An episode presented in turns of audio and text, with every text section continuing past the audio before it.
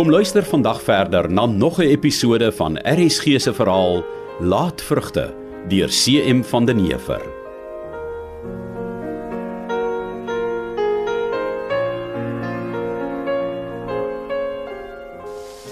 Wens dit oom Jaap en tant Mita wou my 'n kans gee. Soms sending. Soms het die voorsienigheid 'n baie goeie rede hoekom 'n saak nie wil vlot nie. Kyk maar vir my. Maar Wag, amper vergeet ek van die kos. Henning, gaan maak asseblief seker ek het alles gedek. Jou pa is nou enige oomblik hier. wat bedoel maar soms het die voorsienigheid 'n rede hoekom 'n saak nie wil vlot nie. En wat het dit met ma te doen? Ag, my kind, vergeet liewer daarvan. Nee, maar ek wil weet wat ma bedoel het. Kyk Henning. As 'n mens jonk is, Ja. as jy vir die eerste keer ontdek jy begin dagdrome droom oor iemand, dan is dit of jy in die paradys self is. Jy voel of jy die hele wêreld kan aanvat. Ja, en dan? Jy jaag jou drome na. Raak vasgevang in die opgewondenheid in jou binneste. En op 'n dag word die droom bewaarheid voor die kansel.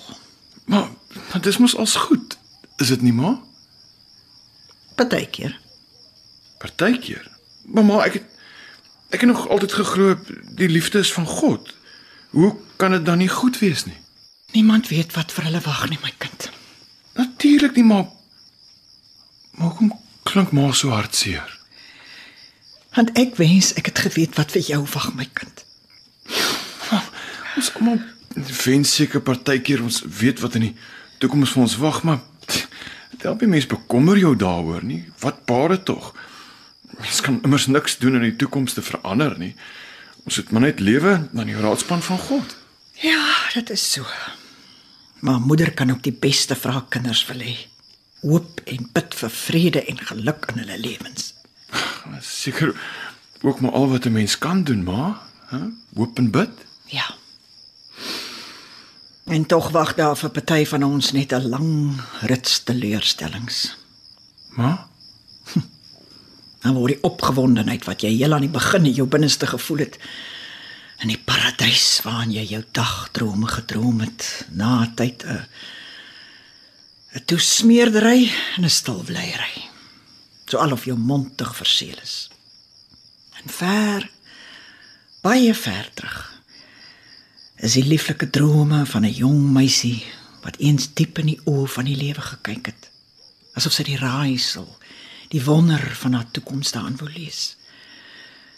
Asof sy die lewe wou dwing om haar jong meisie drome van 'n volmaakte liefde aan haar te openbaar. Hm. En die jare het dit mettertyd in haar geopenbaar. Sy het geglo sy trou met 'n man wat baie sal erf, wat hard sal werk. Al het haar pa nooit regtig van die jong vryer se manier gehou nie. wat's fout, ma? Oor die jare het die vryer se manier al skerper geword. Het hy al meer met swaar diksool skoene op haar siel getrap. Tot hy die drome en die opgewondenheid in haar binneste heel vertrap het. Diep in die donker holtes van vergeet in fyn getrap het. Tot daar niks van oor was nie. Ma? En nou het sy nog net 'n ou dorre moederliggaam wat deur die jare afgebeel is. Die een sagte hande is nou hard, benig. Die lewe is klaar met haar. Met haar opgebreek. Wie sal ooit weet hoekom en vir watter doel? en wat het die jong meisie oor vandag? Ma, Niks. Net hartseer. 'n Verlange. Verlange na iets wat sy lankal gebroke vergeet het. Baba kleertjies wat sy skelm uithaal waar sy dit diep wegsteek vir haar vryer en die droom wat dood is daarin probeer ryk. Nie huil nie. Daar is nie meer huil oor nie. Daar is nie meer hoop nie. Net werk, eet, slaap. Dis so veel af. Daar's Trane in ons oë.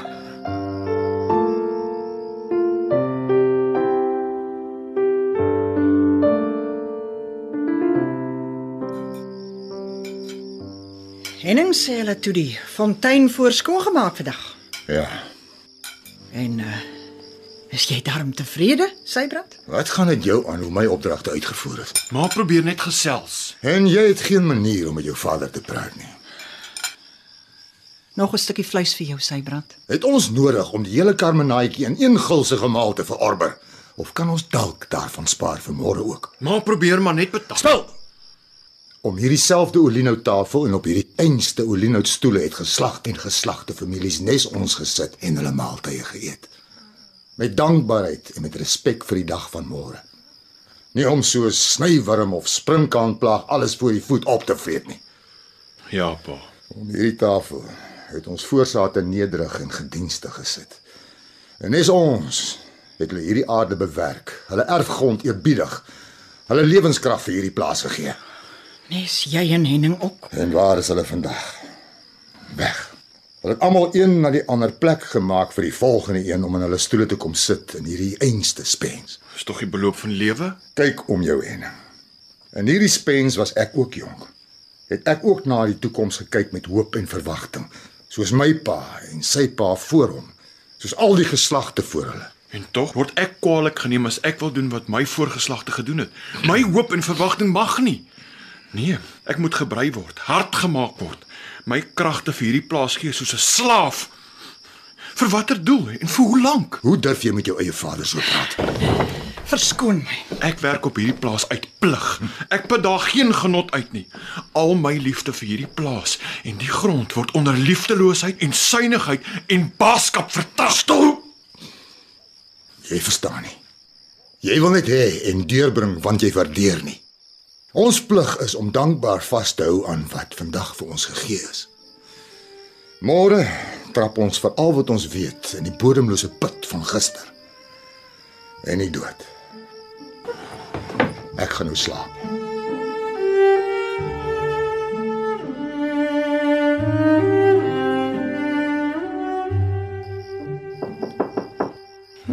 Wie klop die tyd van die aand aan my deur?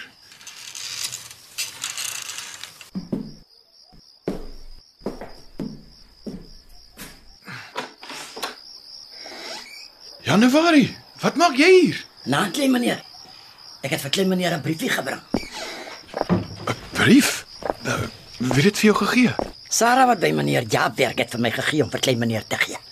Toe kom ek sommer op die daad. Ja, maar dis wonderlik van jou. Uh, waar is die brief? Hy's hier in my baadjie se sak.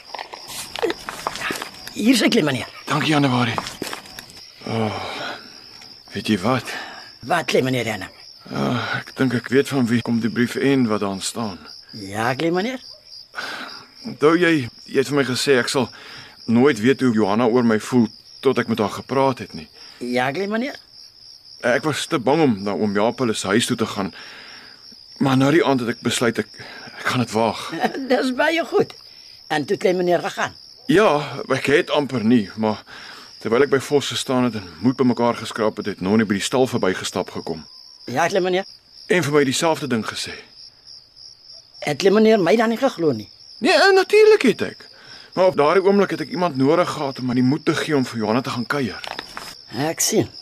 En wat het Nannie nogal vir klein meneer Henning gesê? Maar ek sê mos omtrent wat jy vir my gesê het. Ja, maar het sy ook gesê hoe klein meneer mooi moet kyk en luister vir die meisiekind.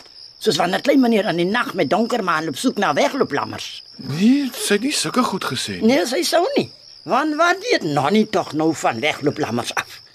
En het sy altyd vir klein meneer gesê om te kyk hoe die meisiekind praat. Of sy baie uitvra en of sy min praat.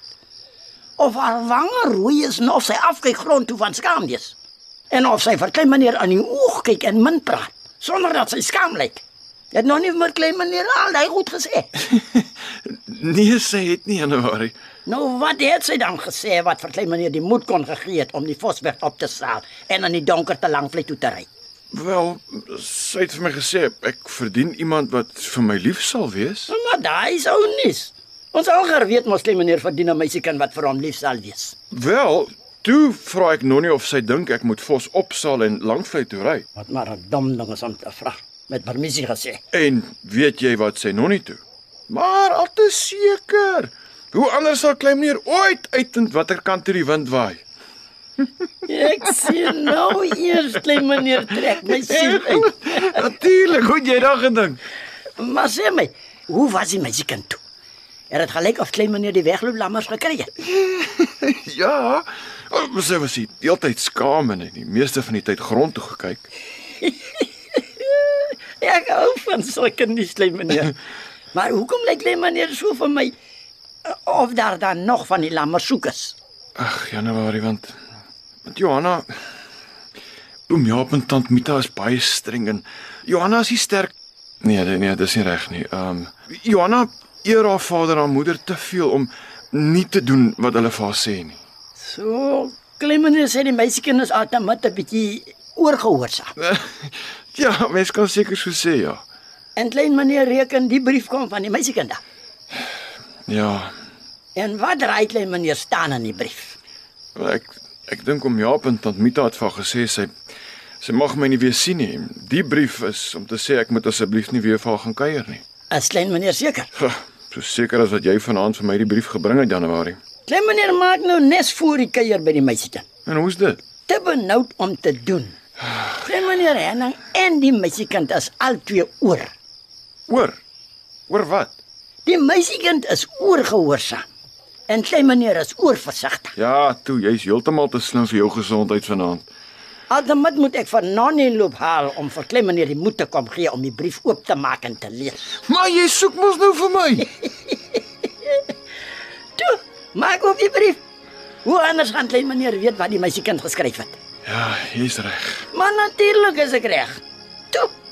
Laat ons hoor of klein meneer Henning al die lammers gekry het of net 'n paar. Nou goed dan tog. Dis nou of nooit.